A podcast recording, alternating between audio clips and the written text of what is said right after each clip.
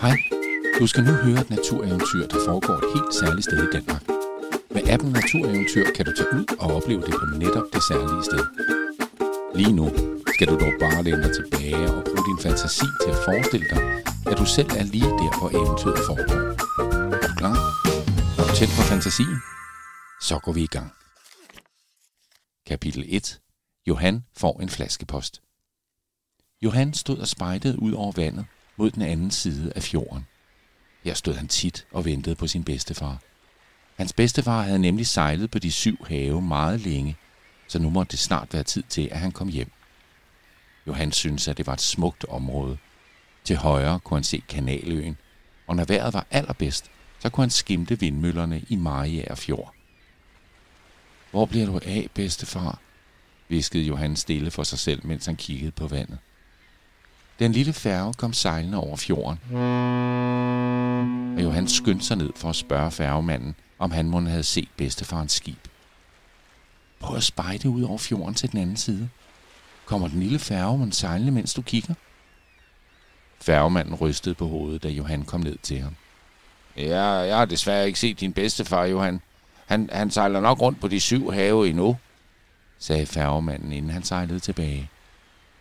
Johan blev ked af det og var lige ved at græde. Men så fik han pludselig øje på noget, som glimtede i vandet. Det var en flaskepost. Johan havde aldrig fundet en rigtig flaskepost før, så han skyndte sig ned til vandet og samlede den op. Johan kunne se, at der lå et brev inde i flasken, men han kunne ikke selv åbne den. Onkel Benny må hjælpe mig, råbte Johan, fuld af begejstring over det lille fund.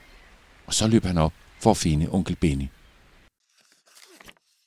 Kapitel 2 Onkel Bennys fiskekutter Onkel Benny boede i en gammel fiskekutter, som desværre var fanget på land. En gang gik vandet nemlig helt op til træerne, men så byggede man et dige og tømte vandet ud i fjorden. Desværre havde onkel Benny sovet en lang middagslur den dag diget blev lavet. Derfor havde han ikke nået at flytte sin fiskekutter, så nu boede han bare i båden på land. Onkel Benny! Onkel Benny! råbte Johan højt, men onkel Benny sov meget tungt. Det lød næsten som om fiskekutterens gamle motor var tændt, fordi onkel Benny snorkede så højt. Kan du hjælpe Johan med at vække onkel Benny? Kald på ham så højt du kan. Onkel Benny! Så kom onkel Benny endelig ud af kutteren. Jamen, goddag, Johan. Hvor hyggeligt, at du kommer her, sagde onkel Benny og gned sine øjne. Jeg har fundet en flaskepost. Vil du hjælpe mig med at åbne den og læse brevet? spurgte Johan, som var meget spændt på, hvad der måtte stod i brevet. Ja, det, det kan du tro, min ven, sagde onkel Benny, som med et rutineret slag i flaskens bund fik både prop og brev ud på én gang. Så tog han et par små læsebriller på næsen og rakte brevet ud i strakte arm. Mm, det er fra din bedste far. Han siger, at han har glemt sit magiske kompas her på egnen, så han kan ikke finde hjem. Du skal gå ud i skoven og finde kompasset og sende det til ham. Johan gjorde store øjne. Han havde aldrig fundet et magisk kompas før. Men han var klar på eventyr, så han kiggede sig for til begge sider og hoppede så glad over på den anden side af vejen og gik ind ad stien mod skoven. Kapitel 3. Den sure mand i lavvoen. Kan du se de store telte? Sådan et telt kalder man for en lavvo. Der kan bo nogen i lavvoerne her, så gå ikke ind i dem. Inde i lavvoen boede der en gammel mand. Han havde et skægt så stort, at han kunne bruge det som dyne, og han vidste alt om naturen her i området. Derfor ville Johan prøve at spørge, om han kunne hjælpe med at finde kompasset. Men den gamle mand var altid sur, så Johan var ret bange for ham. Man måtte for eksempel aldrig gå ind i hans lavvo. Johan kom i gang til at gå derind, men det skulle han ikke have gjort. Den gamle mand blev så sur, at der kom røg ud af ørerne på ham, og han blev helt rød i hovedet. Det havde sat en skræk i livet på Johan, så han aldrig gik derind mere. Johan kaldte lige så forsigtigt på den gamle sure mand. Vil du hjælpe, Johan? Så kald på manden. Gamle mand bag lavvoens mur. Fortæl om kysten og fjordens natur. Den gamle sure mand dukkede frem fra lavvoens stu. Hvem forstyrrer mig? Er det dig, Johan? Har jeg ikke sagt, at du ikke skal komme rendende her? Råbte manden surt. Jo, stammede Johan. men, men, men jeg skal finde et magisk kompas, som min bedstefar har gemt her i skoven. Ved du, hvor det er? spurgte Johan. Ja, det ved jeg. Men du kan ikke bare få kompasset. Du skal først klare tre svære prøver og bevise, at du er klog, stærk og kærlig, ristede den sure mand. Du finder den første prøve i år 2000 Lunden, og lad mig så være i fred. Den gamle mand gik ind i larvoen igen. Klare tre prøver, viskede Johan. Det lød vildt, men han måtte jo prøve, så hans bedstefar kunne komme hjem. Så listede Johan lige så stille videre mod den lille lund. Han vidste nemlig, at den gamle mand ikke kunne lide, at man løb på den lille plads. Kapitel 4. Den skrabe lærer. Kan du se træerne her i den lille lund? De blev alle sammen plantet i år 2000. Kan du regne ud, hvor gamle træerne er? Hallo? Er der nogen, der kan give mig en prøve? råbte Johan ud i den lille lund. Han var lidt nervøs for, hvad sådan en prøve kunne gå ud på. En tynd kvinde med en stram knold i nakken og små bitte briller kom ud fra bag et træ. Johan stivnede. Hun lignede fuldstændig hans gamle matematiklærer, Pernille Skrab, som altid skældte ud. Sagde du noget om en prøve? Jeg skal give dig en prøve, skal jeg, sagde damen med en skinger stemme. Øh, øh, ja, jeg, jeg skal bevise, at jeg er klog, så jeg kan finde min bedstefars kompas. Jamen, så skal du sige mig, hvilke fire danske træer, der står i denne lund, sagde damen på en meget læreragtig måde. Johan synes godt nok, at det var en svær prøve. Han havde aldrig brudt sig særlig meget om skole, så hvordan skulle han lige kunne svare på det? Han undersøgte stille træerne, mens damen holdt et skrabt og skarpt øje med ham. Hov, de har jo forskellige slags blade, og, og det der blad, det kan jeg da genkende, sagde Johan begejstret.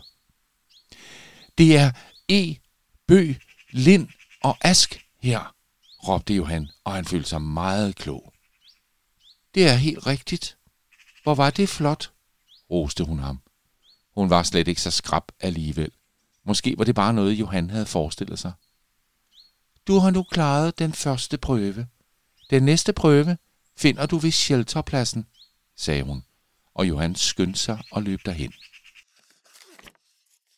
Kapitel 5. Johan får hjælp fra de unge mennesker.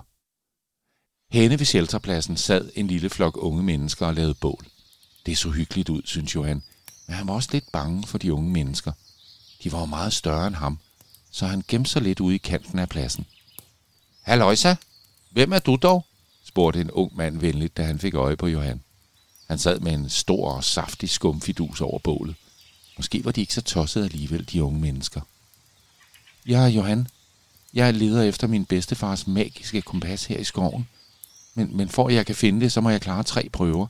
Jeg har allerede bevist, at jeg er klog, så nu skal jeg bare vise, at jeg også er stærk og kærlig, forklarede Johan. Jamen, øh, så er du da kommet til et helt ret sted.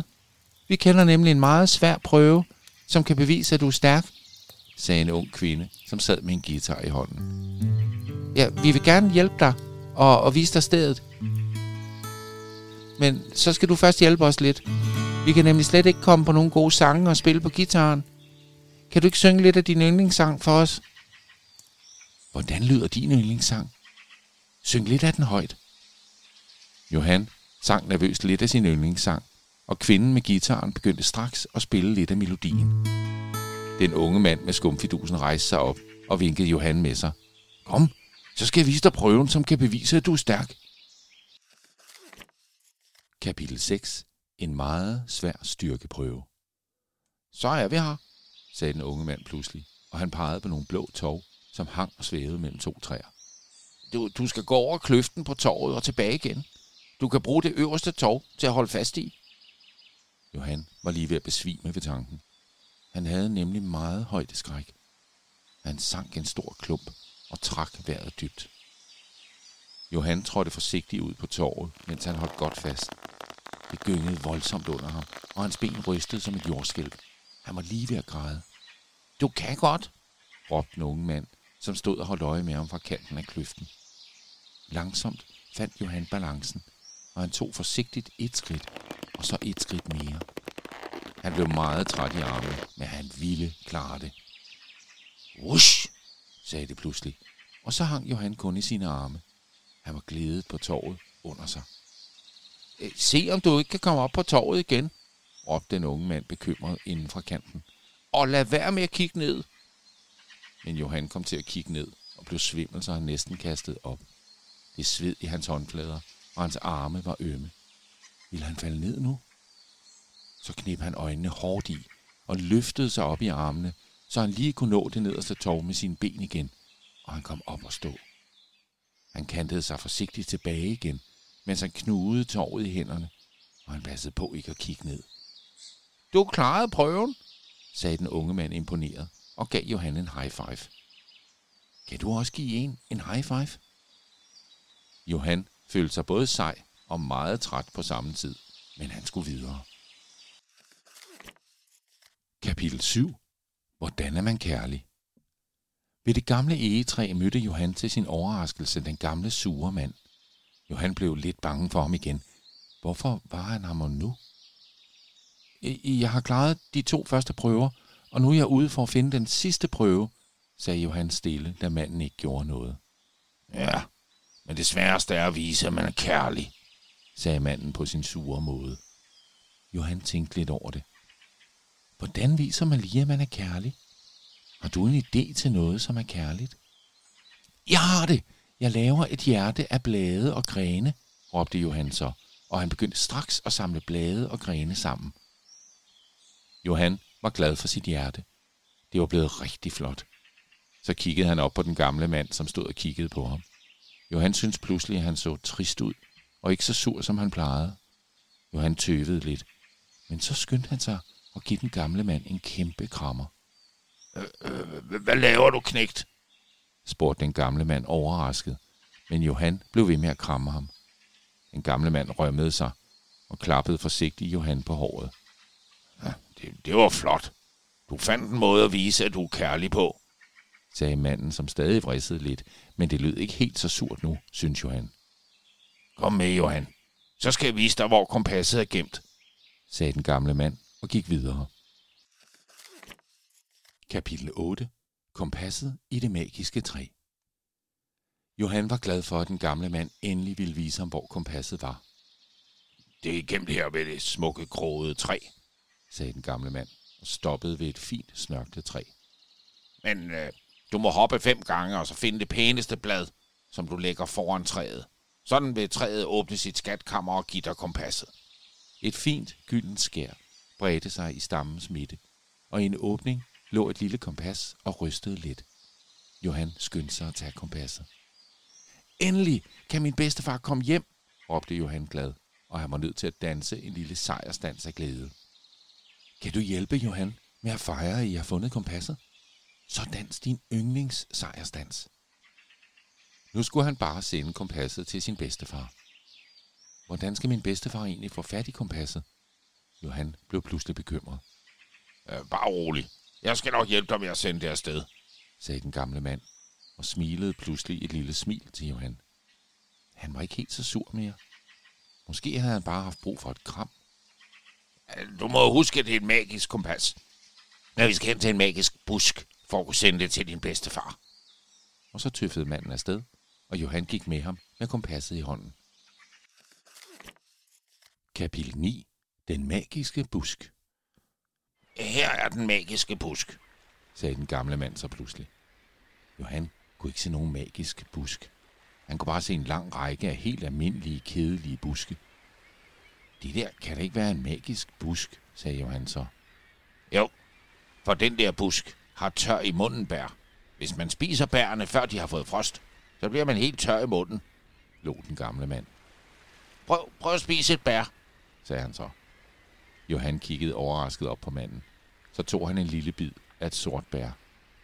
Uh, min mund, udbrød Johan. Hans mund føltes helt mærkelig og tør.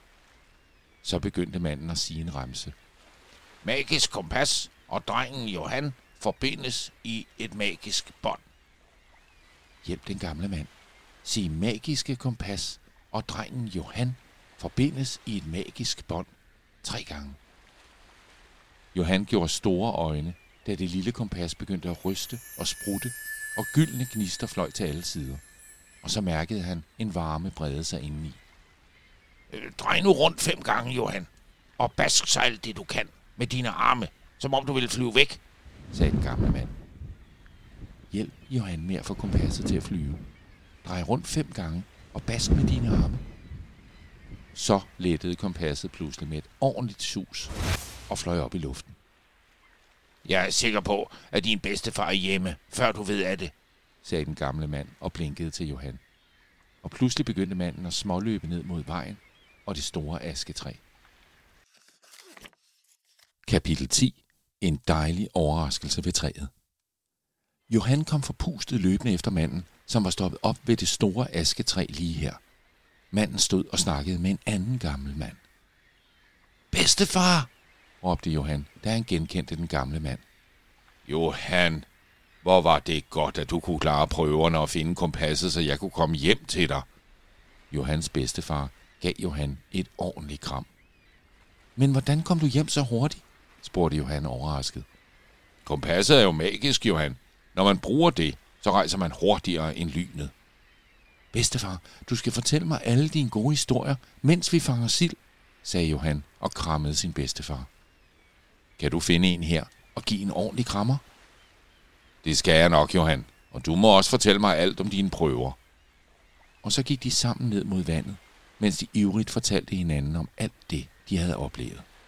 Har du lyst til at se onkel Bennys fiskekutter, eller træet, hvor det magiske kompas gemte sig? Så får din mor eller far, din mormor eller din farfar, eller måske din yndlingsonkel eller lærer til at tage dig med en tur til Kyst- og Fjordcenteret, som ligger i Nordjords Kommune. Her kan du også se, om du kan klare de tre prøver for at finde det magiske kompas. Download den gratis app Natureventyr, og lad den guide jer rundt på eventyr langs smukke ruter i den danske natur.